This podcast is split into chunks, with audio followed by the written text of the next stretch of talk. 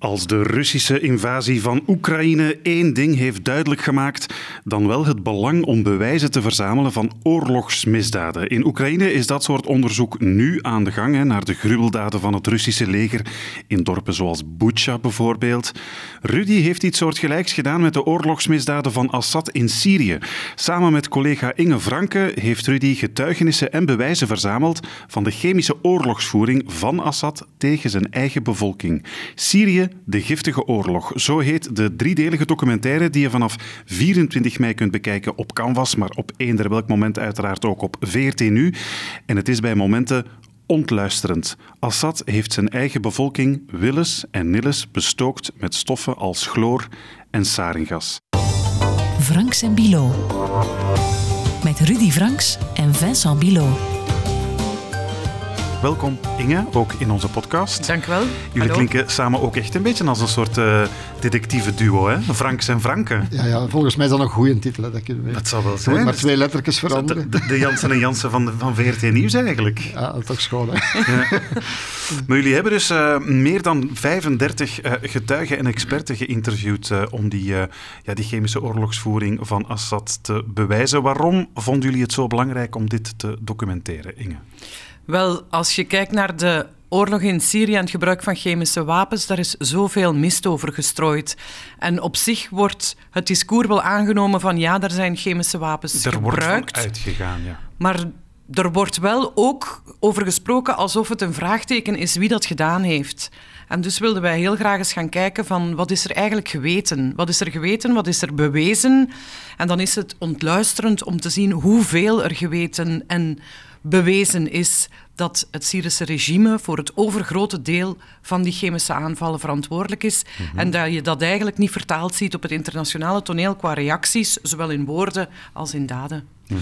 Voor mij was het ontluisterend om te bedenken dat als je nu met Oekraïne zat, van kijk, maar dit is allemaal al is de mechanismen van propaganda, van oorlogsmisdaden, van hoe dat je bewijzen wegmoffelt, hoe dat er uh, via sociale media met de leugen wordt omgegaan. Mhm vandaar het belang van, tja, dit is allemaal eens gebeurd en toen hebben we ook het niet willen weten soms. Mhm. Vandaar het extreme belang van niet vergessen, hè. never forget. Mhm. En dus dat moet vastgelegd worden. En wat je nu merkt met Oekraïne bijvoorbeeld, is dat het veel sneller men daarop inspeelt om dat proberen vast te leggen. Mhm. Ik had ook een beetje schrik, ik denk allebei dat we een beetje schrik hadden dat nu met Oekraïne, ja, wie wil het nog over Syrië hebben? Maar laten we vooral niet vergeten dat bij de oorlogsmisdaden in Syrië Poetin over de schouder voortdurend heeft meegekeken. Rusland als betrokken partij, hè, Absoluut. Op, zijn zacht gezegd. Ja. Wat ik al meteen geleerd heb uit, uh, uit jullie documentaire reeks is dat de, de, impact van chemische aanvallen op burgers, ja, dat die niet alleen fysiek is. Hè. Uh, ze zijn ook en vooral bedoeld als psychologische terreur. Hè. Zoals uh, deze Tobias Schneider zegt, iemand die de oorlog in Syrië heeft onderzocht als analist. If you live in an opposition-held area that is shelled almost daily, the normal reaction to bombardment is to go underground, to go into the basement, to go into um, a trench, to go into a bunker. But chemical gas is heavier than air, so it sinks and seeps underground. So the reaction to a chemical bombardment is to go upstairs. So if you live in a town and there's a bombardment, you don't know what it is, you may be running into the gas or you may be running into the bombs. And that insecurity makes all the difference. Ja, voor bommen moet je in de kelder schuilen. Voor chemische stoffen die zwaarder zijn dan zuurstof en die dus doordringen in de kelders, moet je net naar het dak vluchten. En dus geven chemische wapens je eigenlijk het gevoel dat je nergens meer veilig bent. Hè? Ja, ik moest daar eigenlijk aan denken toen ik in, uh, in Oekraïne was, in die metro van, uh, van Kharkiv. Ja. Als je ziet dat daar duizenden mensen, tienduizenden mensen in de metro gaan schuilen, voor de bommen van boven. Mm -hmm. Of een beetje in in Mariupol, zo belegerd als daar dan chemische wapens zouden vallen, en dat is exact wat in Aleppo gebeurd is, wat in, in de buurt van Damascus gebeurd is, in Khan gebeurd is, als die dan vallen daar, ja, dan zit je op de verkeerde plaats. Dan zijn ze machteloos, ja. Maar je kunt niet kiezen, hè. Als er een bom valt en ontploft, je kunt niet kiezen. Mm Je gaat schuilen, je gaat niet op het dak staan. Hè. Mm -hmm. Dus ja, die gedachten alleen al van die, die psychologische terreur en die, het gevoel van je bent nergens veilig, mm -hmm. ik vind dat een, een universele les dan. Ja. Voor we ingaan op de, op de, de bewijzen die jullie uh, leveren in, uh, in de documentaire, nog iets eigenlijk het, het, openingsbeeld van, de, van de, um, de documentaire, die ook meteen de impact duidelijk maakt. Um, we zien een koppel dat het slachtoffer is geweest van een, uh, van een aanval van saringas, geloof ik. Ja, een uh, Toen de vrouw zwanger was van hun zoontje. En wat zien we? Dat zoontje is geboren zonder benen. Dus eigenlijk, ja, het is het soort oorlogsvoering dat, dat niet alleen de huidige generaties treft, maar eigenlijk zelfs doorwerkt op de volgende generatie. Dat is eigenlijk een beetje wat je overvalt ook wel. Ja, absoluut. Ja, het, is, het zijn zo gevolgen waar je niet aan denkt. Ofwel zijn mensen dood, ofwel hebben ze het overleefd en leven ze in het slechtste geval met een trauma. Maar ehm, ja, de kleine Mustafa is wel het bewijs dat je ook met fysieke uh, trauma's kan overleven. En daar worden soms wat vragen over gesteld van ja, maar de afwijking van die kleine jongen zonder armen en benen geboren, geboren is dat zeker door die chemische wapens. Dat is een afwijking die heel weinig voorkomt. En in Kanchegoen, na die aanval, in het halfjaar daarna, zijn vier kinderen in één kleine stad op die manier geboren. Het moet allemaal wetenschappelijk nog vastgelegd worden, maar eigenlijk kan je ervan uitgaan dat het effectief... Ja, zijn. Voilà, ja. dat het uh, echt wel daardoor komt. Ja. Goed, laten we eens beginnen met de, ja, ik denk de aanval die de wereld een beetje wakker heeft geschud over die chemische oorlogsvoering van Assad in Syrië. De, de aanval in Ghouta, een uh, buitenwijk van uh, de hoofdstad uh, Damascus, 2013. Ja, eigenlijk amper, wat is het, twee jaar ver of zo in die, in die burgeroorlog. Hè? Wat, wat, wat hebben jullie daarover ontdekt? Wel, vooral dat het niet de eerste aanval was. Het is de eerste aanval geweest die de wereld heeft wakker ja. geschud. Wat het, het, was nog nooit gebeurd dat een chemische aanval zoveel impact had in grootte. Maar wat ook heel opvallend was, was op het moment dat dat gebeurd is, dat er wel al VN-onderzoekers in het land waren om eerdere chemische aanvallen te onderzoeken. En dat zo'n grote aanval voor hun ogen gebeurd is. Het was een aanval met sarin. Het is niet helemaal duidelijk hoeveel mensen zijn omgekomen. Waarschijnlijk rond de duizend. Er zijn verschillende cijfers over. Mhm. Een paar duizend uh, gewonden. En het is de eerste aanval waardoor de wereld wel iets had van... oei, wat gebeurt daar? En wat moeten we nu doen? Ehm, de toenmalige Amerikaanse president Barack Obama had al gesproken over de rode lijn. Mhm. Had gewaarschuwd als Syrië chemische wapens inzet, zal dat een rode lijn zijn en zullen wij vergelding, voor vergelding zorgen. Mhm. Ja, en daar is eigenlijk het hele verhaal begonnen, want die is er nooit gekomen, maar de slachtoffers, uh, die zijn er wel. En dat is een kantelmoment in de geschiedenis geweest. Hè? Toen, en misschien ook later voor wat we nu zien. Hè? Want had Obama toen ingegrepen, en effectief, ja, dan was er van het regime van Assad misschien geen sprake meer geweest. En iedereen verwachtte dat ook. Hè. Ik herinner me dat ik toen hals over kop naar de grens van Libanon met Syrië vertrokken ben. Om, oké, het gaat nu gebeuren de komende dagen. Deze oorlog gaat een heel andere dimensie krijgen. Omwille van die rode lijn en die van die chemische wapens. En dat is niet gebeurd natuurlijk. Mhm. En dat vond ik ook intrigerend. Dan zijn we ook gaan zoeken naar van, tja, wie was daarbij betrokken bij heel die, dat mechanisme waarom men niet heeft ingegrepen. Want je hebt aan de ene kant de wapens en hun verschrikkelijke gevolgen, maar hoe reageert men daarop?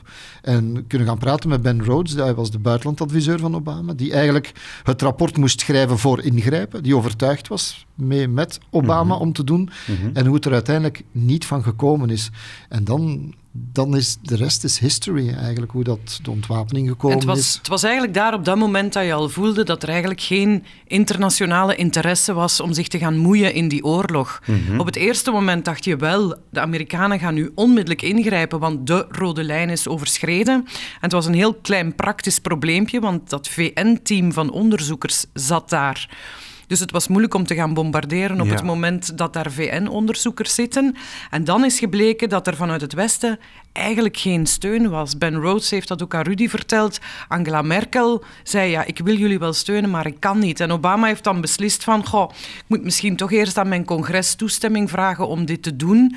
Die na de oorlog van Irak daar ook geen zin meer in hadden om zich opnieuw te gaan storten in een internationale oorlog. Een les die ik er ook uit onthouden heb, bij nadenken naar, naar, wat Ben Rhodes mij vertelde, was, was eigenlijk van... Ben Rhodes, de, de adviseur De adviseur zelf, we zijn die gaan interviewen in, in, in Los Angeles. Um, die, die vertelde dan, ja, maar eigenlijk zei Obama achteraf tegen hem, het had ook geen impact gehad, hadden we gebombardeerd. Want hadden we gebombardeerd, herinner u, Trump heeft het later na een nieuwe chemische aanval, waar we het nog over kunnen hebben, Khan Sheikhun, mm wel gedaan. Wat zou ik dan doen? Een paar runways, een paar loodsen vernietigen? Zou ik de, de vlieg, een vliegveld vernietigen? Binnen de twee, drie weken is dat hersteld. Dus dat zou in wezen die de zaak niet aangepakt hebben. Dus vond hem het zinvoller, achteraf beschouwd, in overleg met Poetin trouwens, want hij heeft Poetin een beetje voor het blok gezet. Oké, we zullen, ik zal iets moeten doen, maar ofwel help je mee, en dat is dan toen gebeurd, om die chemische wapens te ontmantelen. Mhm. Productie, opslagplaats, alles moet weg. Mhm. Dat is zinvoller dan een paar vliegvelden bombarderen op termijn. Mhm. Hè, dat zou mooi voor de wereldogen, want ofwel ga je het hele regime wegvegen, ofwel moet je de chemische wapens wegvegen. En dat is de optie die ze dan genomen hebben. Hè? Ik begrijp de logica, maar alleen was er een zware, serieuze adder onder het gras.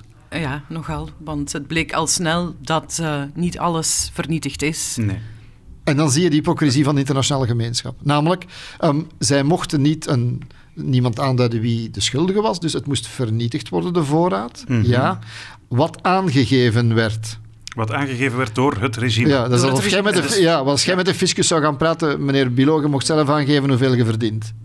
Dat, dat, dat moeten we doen, hè? Ja, voilà. Om het maar even duidelijk te schetsen. dus, nee, maar dat is wat er effectief gebeurd is. wat je op een bepaald moment ook, ook opwerpt. Hè, van, ja, hoe, hoe kunnen we nu in godsnaam zeker zijn als, eh, wat is het dan, OPCW, hè, de, de Ja. organisatie ehm, op het verbod eh, Van chemische, chemische wapens. wapens. Ehm, hoe kunnen we nu zeker zijn dat we hier alles aan het opruimen zijn als we inderdaad moeten vertrouwen op wat er ons door de overheid zelf wordt gezegd waar ze liggen? Ja.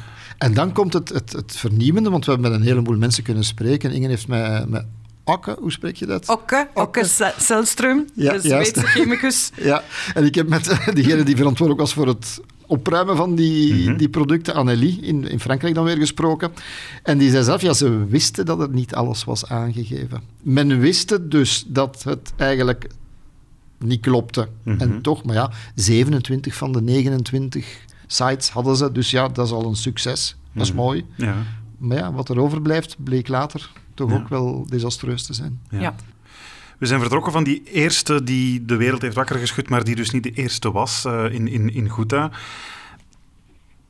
Ja, eh, zijn er dan ook achter gekomen waarom in godsnaam een, een president chemische wapens inzet tegen zijn eigen bevolking? Want het is, het is heel vaak op Ja. burgerdoelwitten. Hè? We Absoluut. hebben daarnet gezegd, hè, oké, het, het, het, eh, het psychologische terreuraspect. Hè, je, probeert, je probeert mensen zich onveilig te laten voelen. Maar je, je, je treft ook gewoon je eigen bevolking. Waarom zou je dat in godsnaam doen? Ingen heeft met... eh, we hebben lang, lang moeten aandringen omdat we een Russische stem konden horen of een, of een stem van Syrische kant. Uiteindelijk heeft de ambassadeur... De, ambassa- de Russische ambassadeur van de OPCW in Den Mhm. Haag, ja, die heeft gesproken. ehm, maar ge- georeerd, denk ik. Ja, ge, ja, georeerd effectief en, en met papieren heel erg goed voorbereid. Nu, daar kom je vooral op een verhaal van ontkenning. Het is allemaal niet gebeurd. Mhm. En als het wel gebeurd is, is het in scène gezet en was het bedoeld om ons te provoceren. Dat is eigenlijk de Het is dus Ja. niet gebeurd. Russische lijn. Maar En als iemand er iets, toch iets gedaan heeft, dan zijn het de anderen geweest. Ja, maar wil maar zeggen, Assad die moet, die moet, die moet strijd leveren tegen al die milities en die rebellengroepen. Maar waarom zijn eigen burgers Maar- eigenlijk aanvallen met chemische wapens? Het is eigenlijk een, het, wat wij noemen de Syrian Playbook. En die zien we vandaag, de Russian Playbook in Oekraïne, net hetzelfde. Je gaat steden belegeren, je gaat burgers afsnijden van water, eten, elektriciteit, medische zorg, door ziekenhuizen te bombarderen, scholen te bombarderen, in de hoop dat mensen wegtrekken. Want als mensen wegtrekken, Ja. is het gemakkelijker om een gebied in te nemen. Maar dan kom je bij de vraag van, van Vincent, namelijk waarom zou je je eigen burgers dat gaan aandoen? En dan naar Oekraïne terug, denk ik, Mhm. zoals gezegd. Dan vragen die Russisch sprekende mensen in het oosten, aan de Donbass en in Mariupol zich ook af, is het, dit was bedoeld allemaal om ons te bevrijden? Hmm, Een mooie bevrijding natuurlijk, zou je Ja. kunnen zeggen. ja. Dus Want je, je kan... de bevolking aan het uitmoorden. Hè? Maar wat ja. jij ons vraagt is dat we zouden, en ik zou het dolgraag doen, in het, in het hoofd van Ja. Massamoordenaars kruipen. Fascinerend, maar ze willen niet praten. Mhm, Dat is wel jammer. ja. Maar het valt alleszins op, wat dat je zelf al zei. De chemische wapens zijn nooit, dat we weten, tegen militaire doelwitten ingezet, maar altijd tegen burgerdoelwitten. En dat is wel heel opmerkelijk. En dat wil zeggen dat het niet bedoeld is om de vijand uit te schakelen of te verzwakken, maar om mensen uit te moorden, weg te jagen en ervan af te zijn. Dat is de, de essentie van een chemisch wapen, is dat het terreur zaait, angst aanjaagt. Maar niet, je hebt militair veel efficiëntere wapens, hè. geleide raketten, cruise missiles, om militaire doelen uit te schakelen, maar niet om, om, om, om, ja, om, om, om militairen... In de loopgraven in de Eerste Wereldoorlog is het gebruikt. Hè. Dat was ook om, om eigenlijk angst te jagen, aan te jagen bij die soldaten die daar kropen. mosterdgas zeker? Ja, eh, mosterdgas. Ja, dit zijn eigenlijk de, de neefjes en de erfgenamen ervan, de uiteindelijke uitlopers ervan. Hè. Mhm. Weet je waar het had impact gehad? Vandaar dat er ook heel even alarm was dat het misschien zou gebruikt zijn, maar dat is nooit bewezen, in Mariupol. Omdat je daar een vergelijkbare situatie hebt. Dat is de playbook waar Inge het over heeft. Namelijk een bevolking een milities of, of legereenheden die zich verzetten, ingegraven hebben en die je niet klein krijgt. Die kruipen in de kelders, die weerstaan al die bommen en die bombardementen. Als je dan dat toepast, en daarvoor wordt het dan gebruikt. Mhm. Maar het is eigenlijk een, een wapen tegen burgers. Hè. Dat is geen wapen tegen militairen meer. Hè. Nee. Dus na Ghouta is er een, ehm, eh, is die, die OPCW dan, eh, dachten ze, alle ehm, chemische wapens komen, komen weghalen in Syrië. Krijgen de Nobelprijs voor de vrede? Ja, inderdaad. prematuur lijkt me. Die kwam te vroeg, want inderdaad, in eh, wat is het, april 2017 eh, is eigenlijk de eerstvolgende echt grote eh, chemische aanval in, eh, in Idlib. De, stad, het- het- de uitspraak van de stad ga ik aan, aan jullie overlaten. Kansje groen. Gansje, Daar, ja. Dat bedoelde ik. Ehm, daar, is, eh, daar is opnieuw een, een, ja, een, een, een hele zware aanval gebeurd, hè, waarvan, waarvan jullie eh, ook hebben kunnen aantonen dat die wel degelijk op het konto van, eh, van Assad of van de, de, de Syrische overheid is te Ja, schrijven. we hebben veel geleerd hè, over hoe dat dan marcheert natuurlijk. hè. Ja, hoe dat je zo'n bommen gooit. En, ja, ik, bedoel, ik heb in een tijd wel die helikopters zien vliegen die vaatbommen uitgooien. Maar ja, je weet niet wat, wat is dat en hoe, hoe werkt dat. Met chemische wapens, ja, er zijn verschillende scenario's die, die we konden volgen. Hè. Scenario's die door de Syrische overheid of door, de, door Rusland werden naar voren geschoven. Om te ontkennen dat zij het zouden gedaan hebben. Ja. Want wat, wat zij dan vaak zeggen is, ja, maar er is bij een bombardement een, een chemische fabriek van de rebellen geraakt. En zo, zo Ja. is dan dat... eh, Ja, dat was het verhaal Ja. van. Ja. Dus er gebeurt een chemische aanval en dan komen er scenario's naar boven. En dan is het aan onderzoekers om te gaan kijken wat zijn de scenario's die hier voor ons liggen en welke zijn geloofwaardig. En voor Kanchegoen, nu heel specifiek, zijn ze vertrokken van acht scenario's. Hebben ze dat heel snel gereduceerd naar drie scenario's, waarvan er eentje was de Syriërs, die, nee, de Syriërs zeiden dat het niet was gebeurd. De Russen die zeiden dat er een gewone bom op een depot was gedropt waar sarin van de rebellen lag opgeslagen. ja. En dan komt er in het, eh, in het vizier een heel interessante term, en, en waar we de- eigenlijk die werkwijze nu ook zien in Oekraïne bij die oorlogsmisdaden, of bij het onderzoek van hoe de oorlog verloopt, OSINT. Hè? Ja, Dat is open source. intelligence. Ja. Dat is we alles verzamelen wat wij kunnen vinden of zouden kunnen vinden. Ja, dat zijn eh, zo- zoals eh, dat, dat onderzoekscollectief Bellingcat bijvoorbeeld Ja, ja. eh, doet dat. Maar ook een, eh, een eh, open source onderzoeker voor de New York Times komt ehm, eh, aan het woord in de documentaire. En die legt het een beetje uit, hè, wat dat precies is, die, die open source eh, journalistiek. Hoe weten we dat deze informatie klopt? Hoe weten we dat deze informatie, hoe kunnen we deze informatie verifiëren? En vaak hè, video's, afbeeldingen. En daarbij komen heel veel nieuwe soorten van technieken bij kijken. Die eigenlijk soort, het is eigenlijk een soort van puzzelen. Eh, zoals geolocatie. Geolocatie, dan bedoel ik, oké, kunnen we vaststellen waar een foto of een video exact is genomen? En aan de hand van publieke satellietbeelden, eh, Google Maps, maar ook andere, andere Google Earth, noem maar op, eh, kun je dus bijvoorbeeld, nou ja, oké, hier staat een boom, hier is dat huis. Kunnen we dat matchen? Kunnen we dat, kunnen we dat linken aan dat satellietbeeld? Zodat we zeker weten, dit is dezelfde locatie. Nou, dat soort technieken dragen heel erg bij. Oké, we weten nu zeker, oké, die video is authentiek. Die is hier genomen. En aan de stand van de zon bijvoorbeeld en de lengte van de schaduwen kunnen we bepalen wat deel van de dag het is genomen. Ja, het is eigenlijk eh, onderzoek doen met, met middelen die, Ja. die voor iedereen eh publiek Het, het, beschikbaar klinkt, zijn. het klinkt eenvoudig. Nu, ik heb Ja, die ja, jongens goed. bezocht van de New York Times. Ja. Dat is, je verzamelt duizenden, zo niet nog meer, alle mogelijke social, social is- media is- fragmentjes. Ja. Je, die, je hoort de klanken van de, van die ze afgeluisterd zijn geweest van de piloten. En dat moet allemaal met de juiste timing bij elkaar gelegd Wel, dat is worden. net het punt. Hè. Het is inderdaad het is, het is met is open source, met, met wat, wat publiek Er is een beschikbaar architect Maar als je het met genoeg mensen samen doet, dan kun je de puzzelstukken in elkaar Ja, ja, maar je moet de is middelen. het, is fascinerend. Het is Ja. fascinerend. Je kan er, is, dat is een thriller, dat is beter dan, dan de fictie. Echt wel. Maar het is op die manier wel, wel eigenlijk ja, bijna eh, onomstotelijk bewezen. Het is, het is eh, geen foutje van een bom die ergens op een eh, depot is terechtgekomen. Nee, want die depot die was al- moedwillig sarin ingezet. En hoe weten ze dat? Ze hebben beelden van een depot die al voor die aanval kapot Ja. was. Dus ja, Dus dat verhaal Dat bleef verhaal. niets meer van over. Ehm, bleek ook dat het sowieso een bom was die uit de lucht moet gekomen zijn. Het kan niet ook een van de scenario's die er lag, dat het een uh, explosief was dat op de grond lag en dat daar Mhm. ontploft is. Nee, het moest vanuit de lucht komen. En dan het allerbelangrijkste, en dat heeft dat onderzoeksteam van VN-OPCW samen wel gevonden, en dat is het, het bewijs dat de, de chemische vingerafdruk, zal ik het noemen, van het sarin dat gebruikt is in, uh, in Kanchegoen, dat is sarin van de Syrische overheid. Dat kan niet nagemaakt worden. Dat kan niet zijn dat iemand heeft gedaan alsof het het regime was, maar het nagedaan had. Het is niet zo dat het gestolen is. Dus daar hebben ze wel het bewijs gevonden en ook eindelijk eens kunnen aantonen. In het begin van de oorlog was er geen mandaat om aan te, aan te duiden wie een chemische aanval had gedaan. Mocht alleen onderzocht worden of het Ja. gebeurd was. Ja. Bij Kanchegoen mocht dat wel.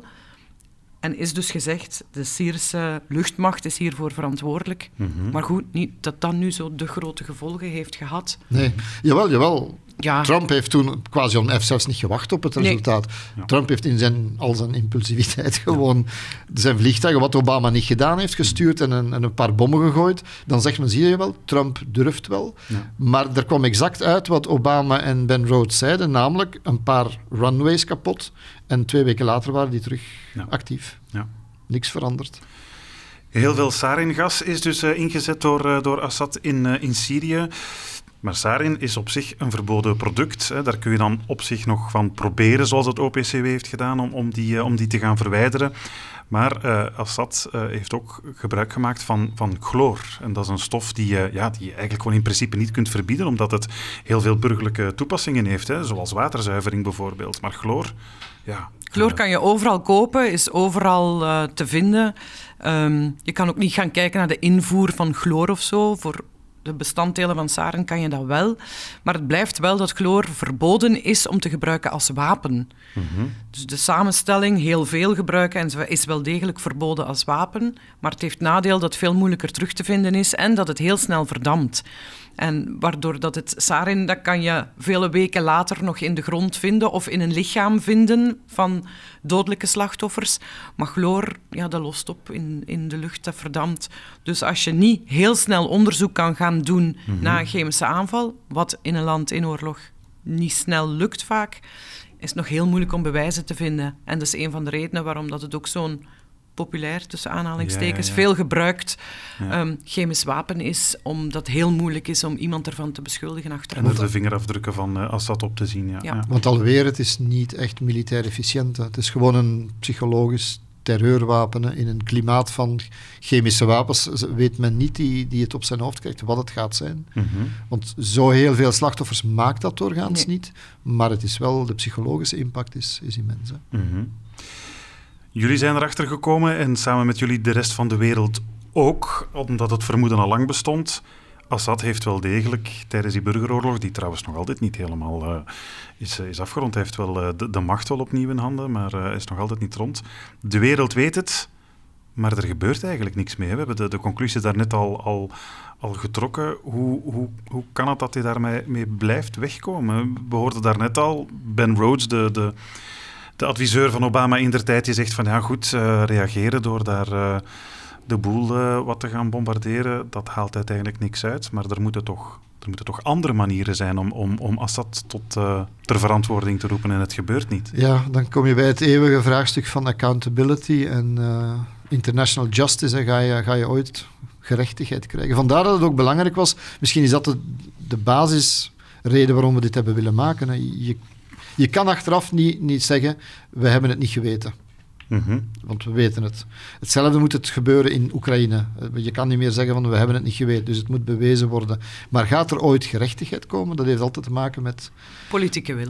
politiek wil en macht. Hè. Kan Ja. je het toepassen? Ga je Poetin ooit voor een rechtbank krijgen? Ga je Assad ooit voor een rechtbank krijgen? Krijg je eender welke dictator met oorlogsmisdadigers ooit voor een rechtbank? Als hij ooit van de macht verdreven is. Mhm. Een van de allerhoogste eh, magistraten bij de Verenigde Naties eh, heeft, eh, Ja, hij heeft daar ook een punt over, uh, over willen maken, over, over het feit dat, uh, dat, dat, dat maar niet lukt uh, om, om oorlogsmisdadigers zoals, zoals Assad voor, voor deze feiten eigenlijk ter verantwoording te roepen. Hè. Carla Del Ponte, bekend als hoofdaanklaagster van het Joegoslavië en het Rwanda-tribunaal, heel wat oorlogsmisdadigers voor het gerecht gebracht. Zij heeft ja, ontslag genomen hè, uit de VN-commissie die de mensenrechten specifiek in Syrië moest, moest onderzoeken, omdat ze dus ja, ziet dat er geen kans is op een, op een echt tribunaal eigenlijk hè, voor, voor, voor deze case. En uh, laten we eens even luisteren naar wat zij daarover te zeggen heeft in, uh, in jullie documentaire. If the state has the political will, just international justice is possible. And it's possible to do it. And the victims are ready to receive justice. But if, if we miss the political will, nothing is possible. And the same was for uh, uh, uh, Yugoslavia. Yugoslavia, because the Security Council decided yes. Rwanda, Security Council decided yes. But Syria, nothing is possible because Russia is supporting President Assad. Als er uh, ja, internationaal geen politieke wil is om Assad voor een tribunaal te brengen, zegt ze, en als uh, ja, Rusland als trouwe bondgenoot zijn veto stelt, ja, dan komt er geen tribunaal. Zo simpel is het. Is, het is wel een cynische vaststelling, zeker met wat we ondertussen nu ook weer van Rusland en Poetin te zien krijgen. Ja, absoluut. Ze zitten met het praktische probleem dat uh, Syrië het internationaal strafhof niet erkent en dus ja, eigenlijk niet vervolgd kan worden. Mhm. Maar ook dat is eigenlijk een heel cynische redenering. Hè. kan alleen maar vervolgd worden door het strafhof als je het zelf erkent. Ja, Als je bloed aan je handen hebt, dan uh, ga je dat niet herkennen natuurlijk. Ehm, en als de internationale gemeenschap het gedaan wil krijgen, ja, dan moet het goedgekeurd worden door de VN-veiligheidsraad. Daar zit je dan hier met het probleem dat Rusland alweer zijn veto stelt. Het wil niet zeggen dat er niks mogelijk is. Um, er gebeuren wel dingen, maar die gebeuren dan op nationaal niveau. En mensen als Carla Del Ponte, maar ook anderen binnen de VN, zeggen van dat is wel heel belangrijk, want dat kan wel. In Duitsland zijn er al een aantal processen gevoerd, niet over chemische wapens, over andere misdaden, want er zijn er genoeg gepleegd in Syrië. Uh, in Zweden loopt er een zaak, in Frankrijk loopt er een zaak, in Duitsland... Uh...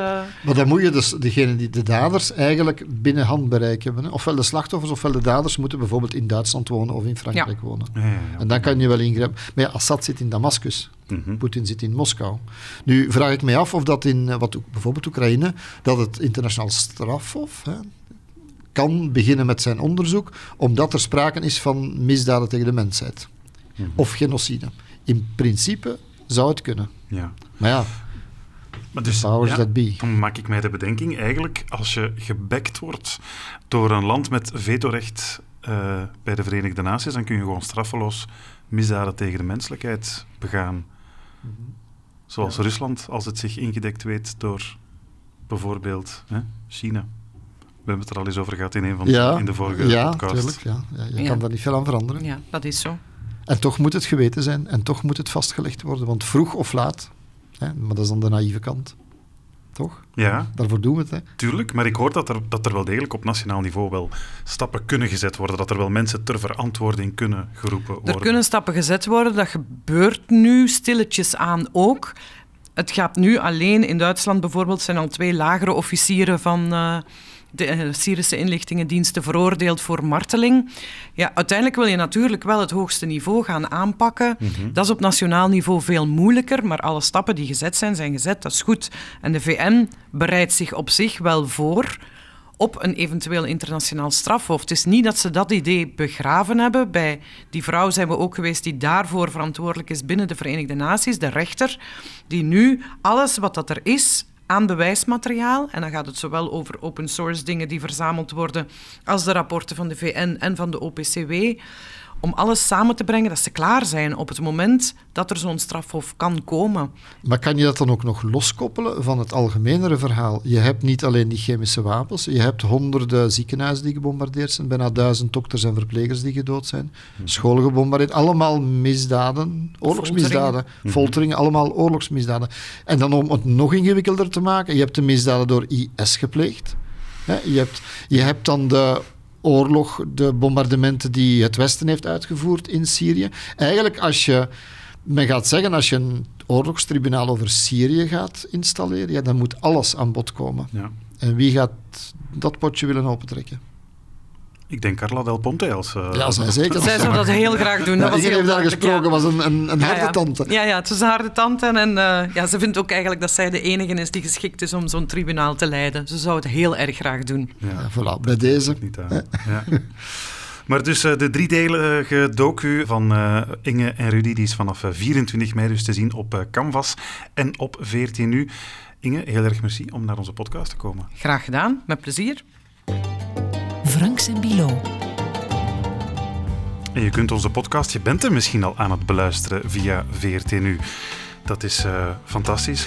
En uh, dan moeten we voor de rest ook altijd mensen aanmoedigen om mee te praten in onze Facebookgroep. Want uh, daar halen we vaak ideeën uit voor deze podcast. Ja, hè? absoluut. En kritische vragen. Hè. Moeilijke, ja. Moeilijke vragen soms. Ja, maar suggesties goed, zijn ook altijd welkom op vb.vrt.be. Kun je vragen stellen, suggesties doen ook voor toekomstige afleveringen. Kan dat? Ja. Hm. Oké, okay, dat is goed. Dan moeten we alleen nog maar enkele mensen bedanken hè, ja. die hier waren. Inge Franke, uiteraard om naar onze podcast te komen. En dan de research, Goran Verluiten en Anton van Lommel. Ja, Goran Verluiten, die ook uh, de sociale media ja. voor ons uh, bemeestert. Hij heeft hard gewerkt. Eindredactie, Vincent Merks. En wij waren Franks. En Bilo. Tot over twee weken. Ciao, ciao. Dag. Franks en Bilo.